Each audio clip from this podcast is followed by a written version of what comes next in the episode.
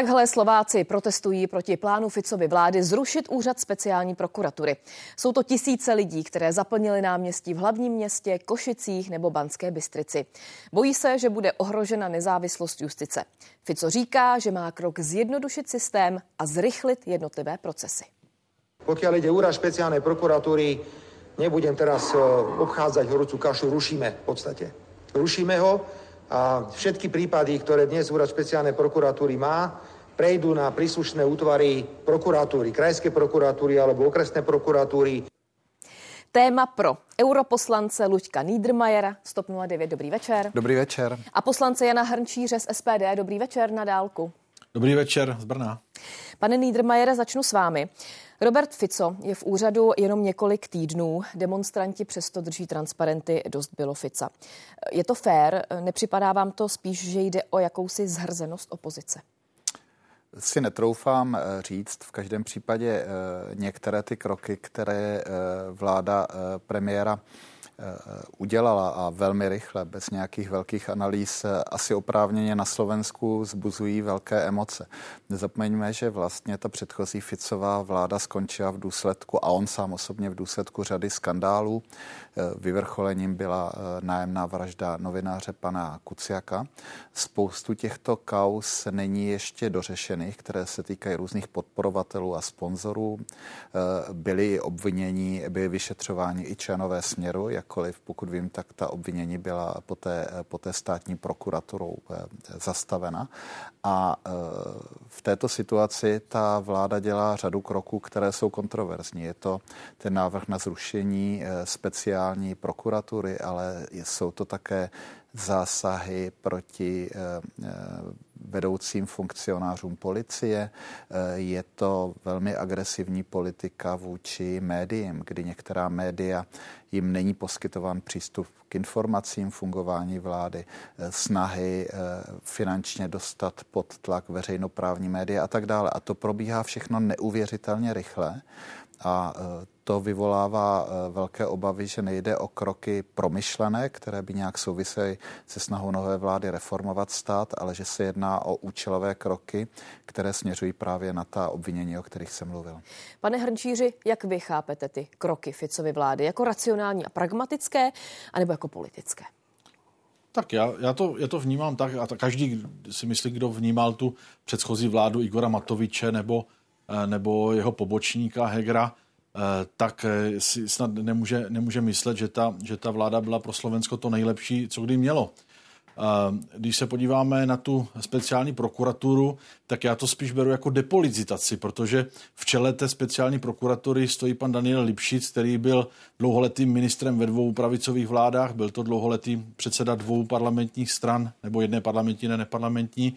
To znamená, tam došlo skutečně a jmenovala ho právě vláda Igora Matoviče, takže tam skutečně došlo k politizaci právě vyšetřování těch různých kaus eh, na té speciální prokuratuře. Eh, často eh, ty obvinění vlastně potom byly proštění to obvinění generálním prokurátorem, takže ono se ukázalo, že skutečně došlo k politizaci tady tohoto, této instituce, tohoto orgánu a, a myslím si, že Ficova vláda se to snaží tímhle způsobem odpolitizovat, tak já to aspoň načítám. Fico řekl, že z koalici udělá všechno pro to, aby ty změny, o kterých tady mluvíme, eh, byly schváleny do konce letošního roku. Nepřijde vám podezřelá třeba ta urputnost, eh, se kterou se do toho pouští? Tak ono celkově eh, ten střed tam byl i před těmi volbami docela, docela hodně cítit, tam to jiskřilo. Já si myslím, že prostě je to dáno jakýmsi odhodláním ty změny udělat rychle. Nemyslím si, že jsou úplně nepromyšlené. Eh, já jsem přesvědčen o tom, že se na to eh, Fico chystal delší dobu spolu s Pelegrinem a s Dankem. Já, já, já se domnívám, že, že to není jako úplně urputné, ale jasné je, že prostě i v té předvolební kampani to bylo vidět, že to je vyostřené a že opravdu je tam, že je tam jakýsi ideologický střed mezi, mezi tou pravící a levící, dejme tomu a že prostě ty kroky se dali očekávat a že určitě s nimi nebude otálet. To bylo jasné, si myslím, den po volbách. Magda Vašáriová, pane Niedermayere, řekla na demonstraci toto. Zápas, který začínáme, je zápasem o to, na které straně dějin bude Slovensko stát. Nejsou tohle příliš silná slova? To se opravdu takhle z Prahy nebo z České republiky těžko hodnotí. Eh, myslím si, že opravdu o ten, jde hlavně o ten konglomerát těch kroků, zásahy proti médiím, odvolávání eh, vysoce postavených policistů a tak dále. A já bych tady chtěl připomenout, že ta speciální prokuratura vznikla tuším v roce 2004. Vláda eh, premiéra Matoviče jistě nebyla pravicová vláda, která by, která by nějakým způsobem intenzivně podporovala pravicové strany a zároveň Slovensko má zjevně velký problém s organizovaným zločinem. A v této situaci zrušit instituci, která koncentrovala určité know-how na, na vyšetřování těch nejsložitějších deliktů, se nedá hodnotit nijak jinak, než snaha zpomalit to projednávání, protože pokud eh, já slyším od svých slovenských kolegů, to jsou spisy, které mají tisíce stran, jejich přesunutí nyní na krajské prokurátory, kteří nejsou specializovaní v této oblasti, nemůže vést k ničemu jinému, než k zpomalení projednávání těchto, těchto kaus.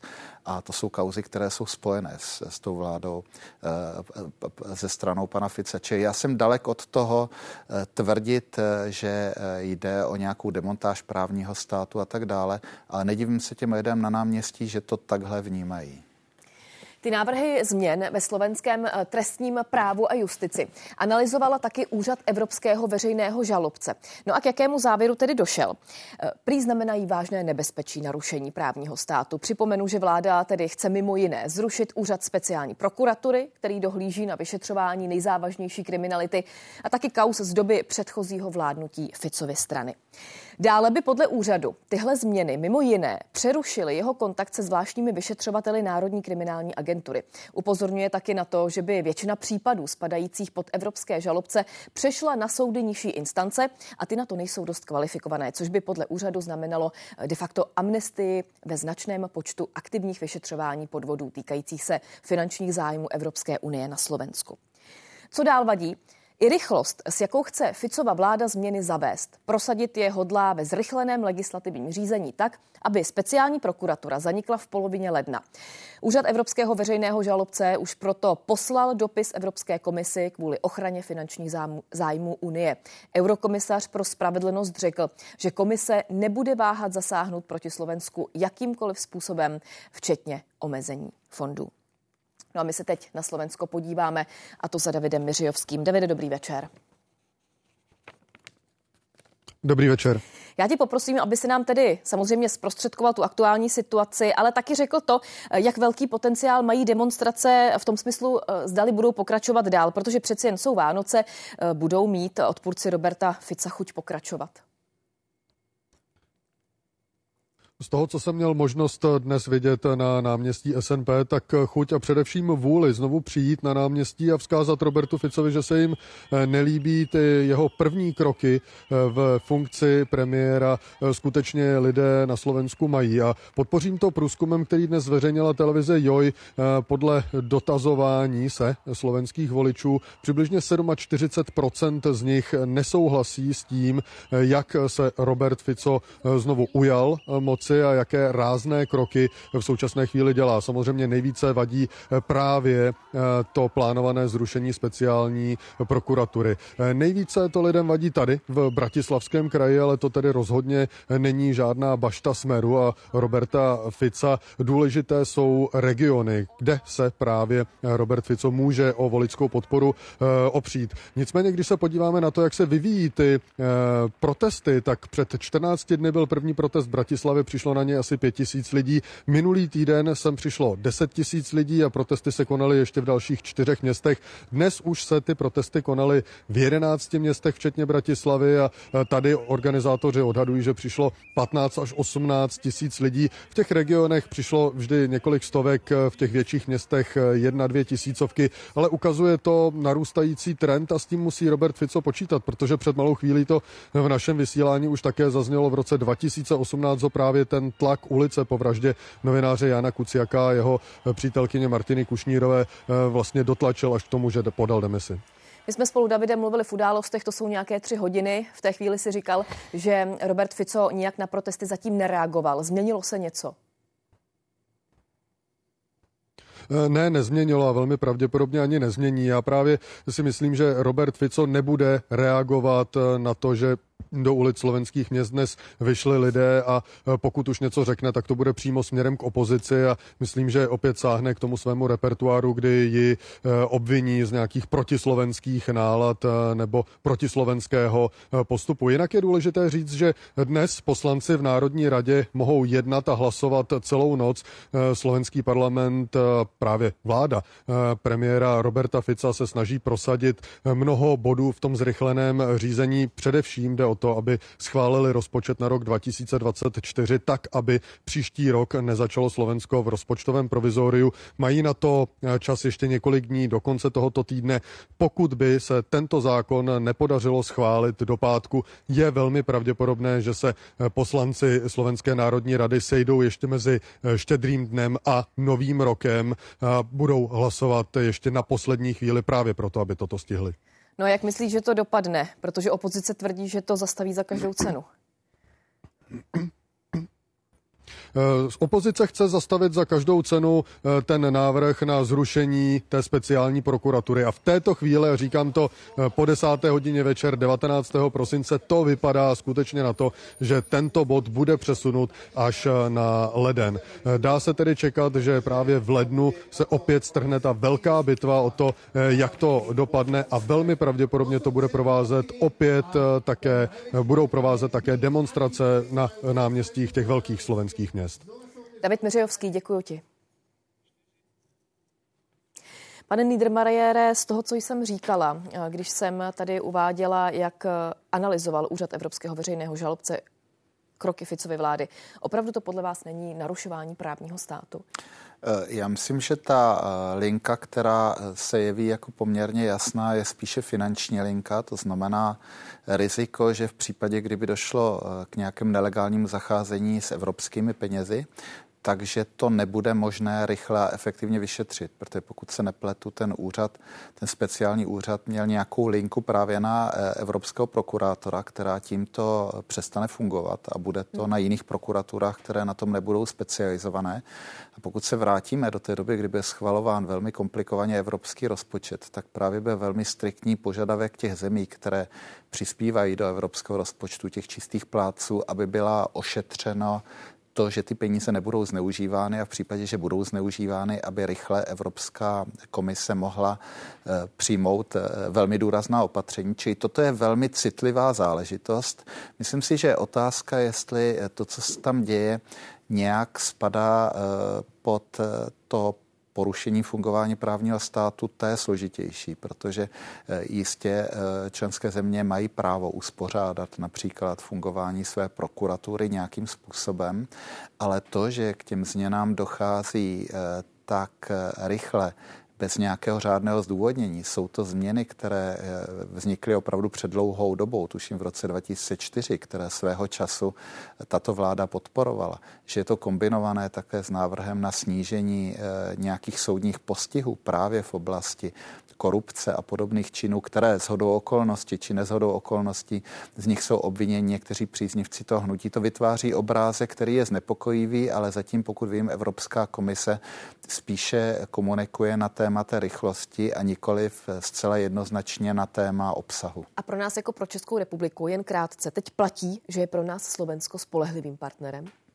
Eh, já někdy říkám, že ta Evropská unie se skládala z 28 troublemakerů, eh, teďka je to 27 troublemakerů, ale nechci v žádném případě bagatelizovat to, co děje na Slovensku, protože tady tenhle, eh, tady tenhle způsob vládnutí, já tomu říkám nepolitologicky totální způsob, kdy ta vláda má pocit, že ona tu zemi dostala a ne, že ji má nějakou dobu zodpovědně spravovat, to je něco, co se bohužel v Evropě tak trochu objevuje znovu a znovu a všechny tyto úspěšné snahy opravdu opanovat ten stát, opanovat jeho instituce a e, občas má člověk pocit, že to, co se snaží o co Robert Fico, je to, co v jiných zemích trvalo vládám dlouhé roky, to opravdu začíná vytvářet nebezpečný precedens.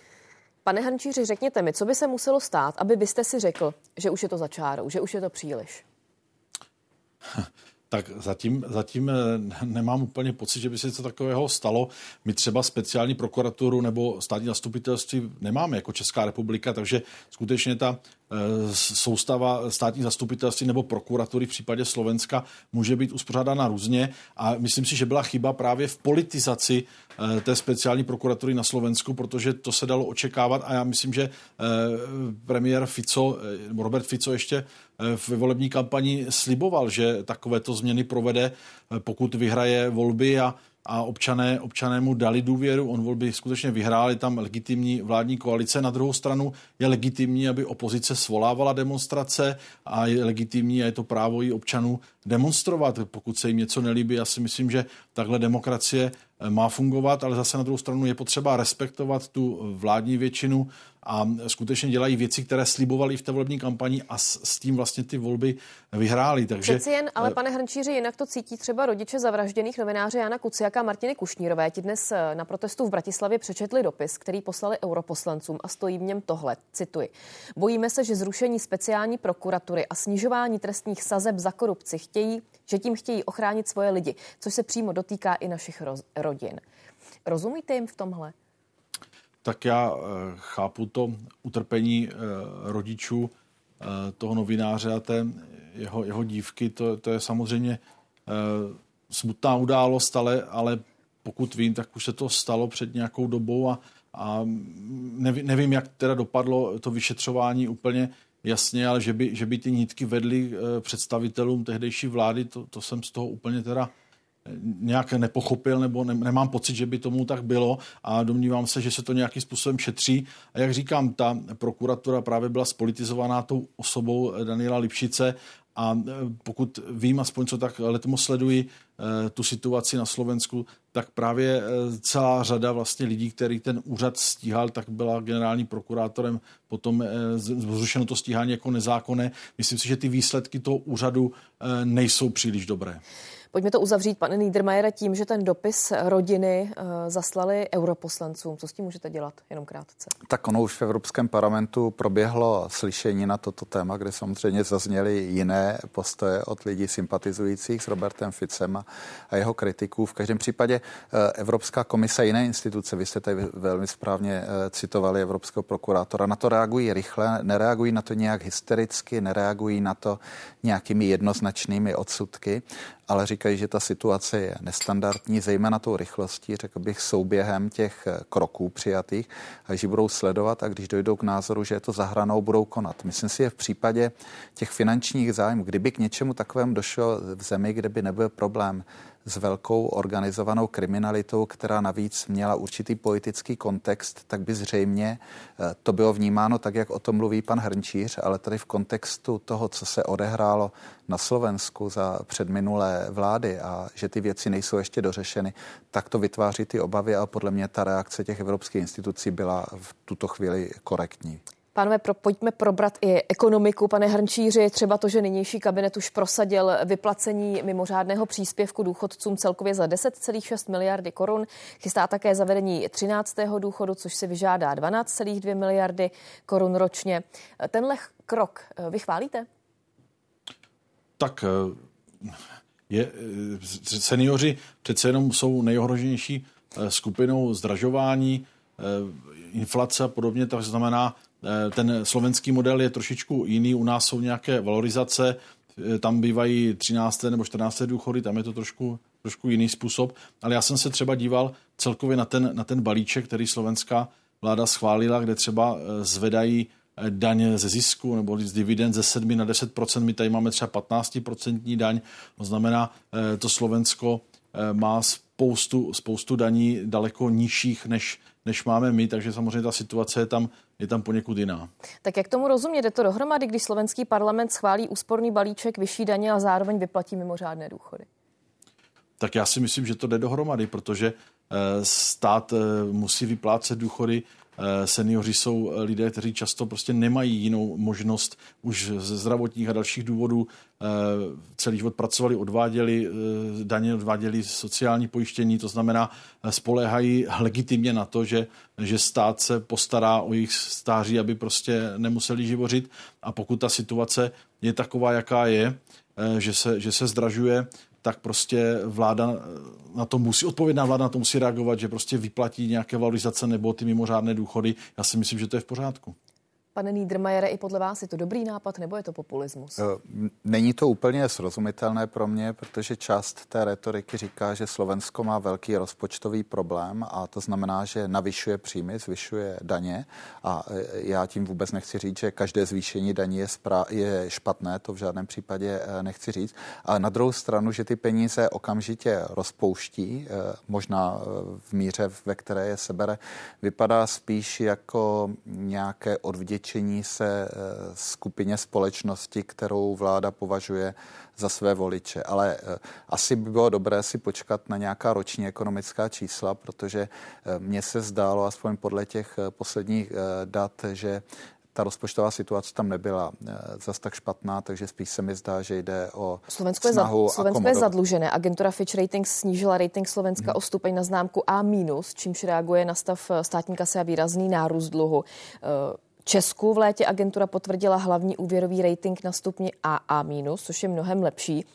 Eh, pánové, je Slovensko odstrašení i pro nás nezadlužovat se, pane Hančíře?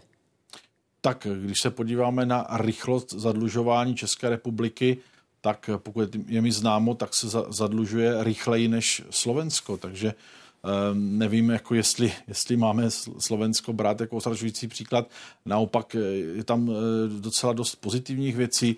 Mají tam výrazně levnější energie pro domácnosti, průmysl, z toho bychom si mohli určitě vzít příklad. Mají tam nižší zdanění eh, malých firm s obratem do, do 100 tisíc euro a podobně, spoustu dalších věcí. My v podstatě ten daňový mix máme nastavený, takže tady máme daně mnohem vyšší. Jak jsem třeba říkal, daň ze zisku máme 15%, oni tam mají 7% zvýšení zvýšili teď tím balíčkem na 10, takže, takže nevím, jestli, jestli tohle je úplně dobrý příklad jako ostrašující. Já si myslím, že Slovensko určitě není ostrašující příklad. Eh, nepadlo tady, možná pan Hrnčí na to zapomněl, Slovensko má také výhodu, že přijalo euro. Díky tomu Slovensko, i přesto, že má nižší rating, eh, platí nižší úrokové sazby na státní dluh, co je svým způsobem výhoda, ale já si myslím, a je to můj subjektivní pocit, že Slovensko platí za dlouhodobou politickou nestabilitu, protože ta vláda, která nastoupila po vlastně kolapsu Ficovy vlády, provázené eh, opakovanými skandály, eh, nebyla vláda, která dobře vládla. Byla to vláda populistická, která vytvořila, eh, aspoň pokud já to slyším od slovenských kolegů z různých politických táborů, dojem zmatku, hluboké nekompetence a chaosu a poté dokonce došlo k opětovnému povolání eh, Fica do vlády, který já nesmíme zapomenout. Je podporovaný svým bývalým soupotníkem panem Pellegrinem a pokud já v slovenských kolegů, tak vlastně názor pana Pellegriniho na ty věci, které teďka provádí Robert Fico, není zcela jednoznačný. Takže eh, ta politická nestabilita na Slovensku eh, trvá už poměrně dlouhou dobu a myslím si, že to hlavně reflektuje ten rating, protože tady bych souhlasil s panem Hrnčířem, ta ekonomická data Slovenska nejsou zase tak úplně špatná. Panové, díky za úvodní debatu. Naschranou. Děkuji a naschranou. Naschranou.